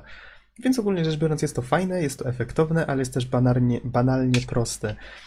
Y, To, co mnie zdziwiło, to to, że gra ma tylko jeden profil i tylko jeden save nie pozwala cofać się, to jest straszny minus, nie pozwala cofać się do rozdziałów, które już żeśmy odwiedzili. Nie A wiem, no kto niestety, jak, jak zapomniałeś coś znaleźć, bo tam są z tego co pamiętam takie urny do znalezienia, Mhm, tak, zgadza no się. to trzeba zacząć grę od początku. Ja akurat porwałem się na platynkę, bo grałem na PS3. Była to chyba naj... Tak, to na pewno. Była najprostsza platyna, jaką w życiu zdobyłem. W trudne gry grywasz. Y, Tak, wiem, bo ja, bo ja nie gram specjalnie dla trofeów, a tutaj wiesz, stwierdziłem, Po, że gra nie powiem ci, jest że tak mi długa. przypominasz, że aż chyba sam się zabiorę i zrobię celaka w tej grze w końcu. Nie, Bo, naprawdę, bo, bo, to, bo bardzo dobrze kojarzę mimo wszystko tę grę i Mhm. było sympatycznie mi się to grało. może skończę tylko wątek. Gra ma jeden profil, więc jeżeli chcecie, żeby ktoś inny zagrał, to wam wtedy skasuje save'a. Jest to fatalne rozwiązanie. Znaczy, no, tego- nie no, wiesz co, słuchaj, Jeżeli- no po to są profi, profile na konsoli, żeby każdy sobie mógł grać na swoim profilu, no. Niby tak, niby tak, ale według mnie to jest mimo wszystko mm, słaby argument. Naprawdę. No nie wiem. Ja, Za często się ja, zdarza ja, w grach takie coś. To jest lenistwo dewelopera, moim zdaniem. Moim zdaniem nie ma absolutnie problemu, bo każdy powinien mieć swój profil na konsoli. No okej, ale jeden save i brak możliwości wyboru chaptera to jest już błąd. No to już jest takie wydłużenie gry na siłę, jeżeli komuś zależy na achievementach. Mhm. Jeżeli chciałbym powtórzyć jakiś fragment, który mi się podoba, albo pokazać go komuś, no to już nie mam takiej możliwości. No nie masz. To jest słabe. ale można na przykład skopiować save'a na pendrive, tylko no co to za rozwiązanie, prawda? Y, Do tego, jeżeli się grę skończy, można zacząć New Game Plus, tylko że wtedy wszystkie te, które żeśmy, to, to drzewko nasze ewolucji właściwie przechodzi na następny ten, na następną grę, więc właściwie drugie podejście jest już banalnie proste. Za pierwszym razem grę skończyłem chyba coś w okolicy 6 godzin, No tyle mniej więcej powinno ci zająć. z kolei, posłuchaj, y, do, jak się porwałem na tą platynę, to tak przeczytałem sobie listy tych zadań i myślę, nie no, w sumie nie jest to zbyt trudne. Sprawdziłem, ile pominąłem tych urn, tam chyba z pięć nie znalazłem bodajże. No i stwierdziłem sobie, a, zrobię sobie mały maraton, nie? I pomijając wszystkie cutscenki, rezygnując z walki, bo jak się okazało, wiele walk można po prostu zignorować, tylko że wtedy nie dostajemy expa, który nie jest nam potrzebny, jeżeli gramy z pełnym drzewkiem ewolucji, co jest dodatkowo bez sensu, bo no, właściwie wtedy gra traci cały urok, prawda? Przeszedłem ją w... Kurczę. Coś koło 4 godzin, może mniej. To jest bardzo mało. No to, to jest to dokładnie ta sama historia, co z Dante's Inferno, jak ci mówiłem. Mhm. Że przelatując drugi raz właściwie dla achievementów, to, to gra zajmuje już dosłownie chwilę. No właśnie, właśnie. A, czyli no, no właśnie. Jak, jak to podsumować? Jak Znaczy, to jak podsumować? ja bym miał podsumować. Mhm. Że grę można ukończyć w stroju asasyna. Można, tak, tak. Wtedy trzeba mieć dostęp do Uplay, czyli mieć grę prawdopodobnie na własność. Ja ją pożyczyłem. No to, to jest właśnie taki, taka Ja pamiętam, że też był taki wtórnym. strój w tym, w tej poprzedniej Prince of Persia, nie? Yy, Tak swoją drogą. tak, tam w ogóle można było przebrać za różne postacie. Można było Elikę przebrać za Jade z Beyond Good and Evil. Mhm, Tam, tam były jakieś takie fajne motywy. No, ale to wiecie, to są takie tam ciekawostki. Y, Jest dodatkowy, a właśnie przed podsumowaniem, jest jeszcze dodatkowy tryb, który się odblokowuje, jak się grę przejdzie. Jest to arena, na której też można swoją drogą uzupełniać to swoje drzewko ewolucji. Właściwie nie jest to nic specjalnego. No, mamy kilka fal przeciwników, które nas atakują i musimy przeżyć. Y, Przez Uplay można jeszcze odblokować y, time attack, czyli prawdopodobnie to samo, tylko że się nam czas liczy. I właściwie gra nie ma do zaoferowania nic więcej. No mamy te znajdźki, te urny, których możemy szukać sami, oczywiście, jak chcemy. Ale nie możemy się cofać do żadnych poprzednich fragmentów, więc za każdym razem musimy jakby zaczynać grę od nowa. Eee, No i jak ją tu podsumować? Tak jak wspomniałem, jeżeli patrzeć z punktu widzenia zwykłego gracza, to gra jest, ma swoje wady, ale jest solidna, ma dobry gameplay, fajnie się w nią gra, jest krótka, ale daje takie, wiecie, satysfakcjonujące doświadczenie, ok. Jeżeli miałbym spojrzeć z punktu widzenia fana serii, to gra jest nijaka, jakoś tak sz- nieszczególnie ciekawa, artystycznie jest zupełnie nieciekawa, powiedziałbym wręcz, że jest, no nijaka to jest chyba najlepsze słowo mimo wszystko. I w porównaniu z tą wersją z 2008 roku to jest straszny krok w tył. To jest tak, jakby twórcom już przestało, znaczy właściwie twórcom, wydawcom myślę bardziej, przestało zależeć, żeby ta gra miała w sobie cokolwiek ambitnego i, i faktycznie tak pomyśleli, że zrobią coś totalnie bezpiecznego, takiego, co się na pewno sprzeda i mam wrażenie, że ta formuła Prince of Persia, którą znamy w tej chwili i którą właśnie zapomniane piaski reprezentują, wytarła się jak taki perski dywan już sprzed kilkuset lat. To jest właściwie chyba najlepsze podsumowanie. Mam nadzieję, że jeżeli wróci Ubisoft do tej serii, a na pewno kiedyś wróci, to że będą mieli po prostu pomysł na to, jak tą formułę odświeżyć, może jakieś nowe pomysły się pojawią. Ale w grę myślę, że myślę, że zagrać warto mimo wszystko. Jeżeli ktoś dawno nie grał w żadnego księcia Persji, to jak najbardziej. Albo w ogóle może. nie grał. Albo w ogóle nie grał, tak. Ale wiesz, jeżeli w ogóle nie grał w księcia Persji żadnego, no to wtedy poleciłbym mu inną część, co nie? Którą, Ale mi- tak z ciekawości. Aha. Jakieś pytania? Którą byś mu polecił, tak z ciekawości, gdyby zaczynał dopiero? Myślę, że te piaski czasu, o których wspomniał Bizon, to jest taka część, która faktycznie jest ponadczasowa już w tej chwili. Prawdziwy klasyk. Ja w ogóle I one chyba jeszcze... wyszły w HD, dobrze ja pamiętam, że, że, że wyszła na PS3 trylogia? O, tego ci już nie powiem, bo ja mam wszystkie na PC-ta na półkę, więc nie interesowało mnie to. Ale możliwe, bardzo możliwe. To jeszcze sprawdzę na szybko. A ja Wiesz jeszcze, co, jeszcze, Nox, ja, ten, ja pamiętam, że jeszcze tak bardzo dawno, dawno Mhm. e, w komputer świecie gry czytałem recenzję gdzieś jednej z pierwszych gier z serii. To było, polegało na tym, że książę e, jakby walczył o ręki czterech księżniczek.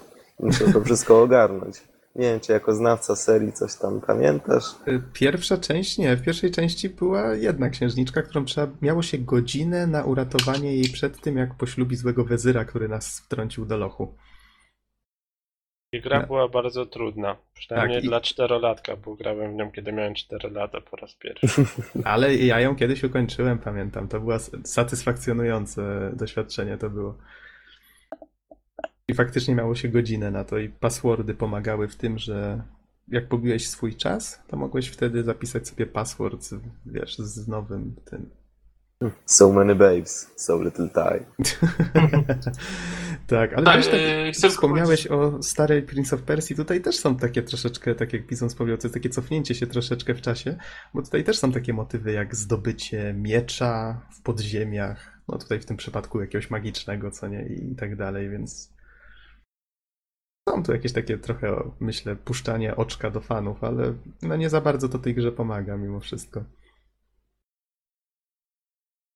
A, jeszcze, wiecie, taka ciekawostka mi się przypomniało, bo patrzę w tej chwili na okładkę. Twórcy chyba sami nie mogli się zdecydować, co zrobić z tym księciem i jego wyglądem, bo w Piaskach Czasu on wygląda jak taki młodziak, w Duszy Wojownika wygląda jak taki sadomaso twardziel, bym powiedział.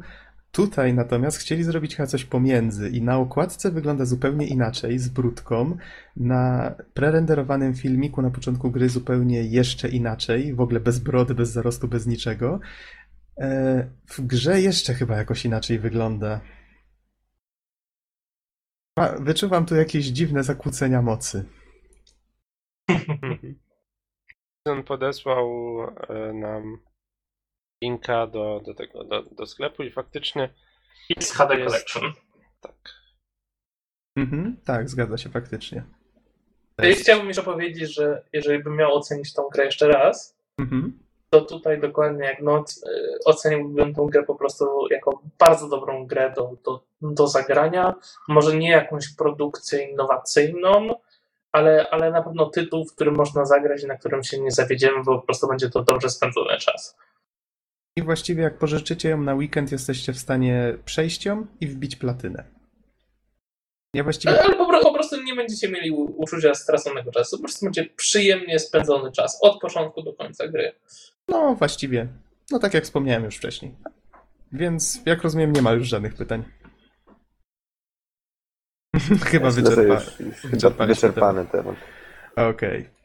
Też wiesz co, ja tak, tak właśnie oglądam ten gameplay z tej gry już trzecią część, Mhm. tej twojej recenzji i tak kurczę, myślę sobie, właśnie te piaski, te, prawda, Bliski Wschód, naprawdę bardzo ciekawa stylistyka i w ogóle tematyka. Natomiast cała gra w ogóle przypomina taki takie tanie siekanie, w ten sposób powiem. Takie totalne jakieś w ogóle nieambitne dzieło. Mhm. Jakieś takie, na, nawet stylistyką nie porywa, a moim zdaniem właśnie, kurczę, no stylistyka to jest coś, co, co w tej grze powinno porwać, no bo jednak jest pewna odskocznia od, nie wiem, amerykańskich żołnierzy, czy nawet średnie- średniowiecznej Europy, prawda, mamy tutaj Bliski Wschód. To, to tak jak mówię, jeżeli ktoś chce zagrać w prawdziwą baśń Tysiąca Jednej Nocy, to niech zagra albo w Piaski Czasu oryginalne, albo w tą wersję z 2008. No i myślę, że tym pozytywnym aspektem możemy powoli zakończyć. Okej. Czy jakieś, zapo- jakieś zapowiedzi na następny tydzień? Nie, nic. Nie Ja gracie w wyzdrowieję Nie na pewno. nie wiem. To nie wiem, może- Ja, ja gram w SSX-a teraz y, z tego roku. Mhm. Zobaczymy, ale raczej bardziej pierwsze wrażenia niż, niż recenzja. Okej, Ja okej. dzisiaj zacząłem Alana Wake'a, ale nie wiem, czy skończę do przyszłego tygodnia. O, tym- no proszę. Ja, ja to sporo gier zaczynam, a niekoniecznie kończę. Z kolei ja mam nadzieję, że uda mi się już skończyć, bo jestem na ostatniej płycie. Z czasów PSX-a powiedzenie. Yy, Fear Effect. Myślę, że mało znana gierka, ale dość nietypowa. Więc mam nadzieję, że o tym uda mi się opowiedzieć. Okej, czyli kończymy, tak? No chyba tak. Okej, w takim razie dziękujemy Wam bardzo za słuchanie i do usłyszenia w następnym podcaście. Trzymajcie się. Do usłyszenia. Trzymajcie się na razie. Siemka.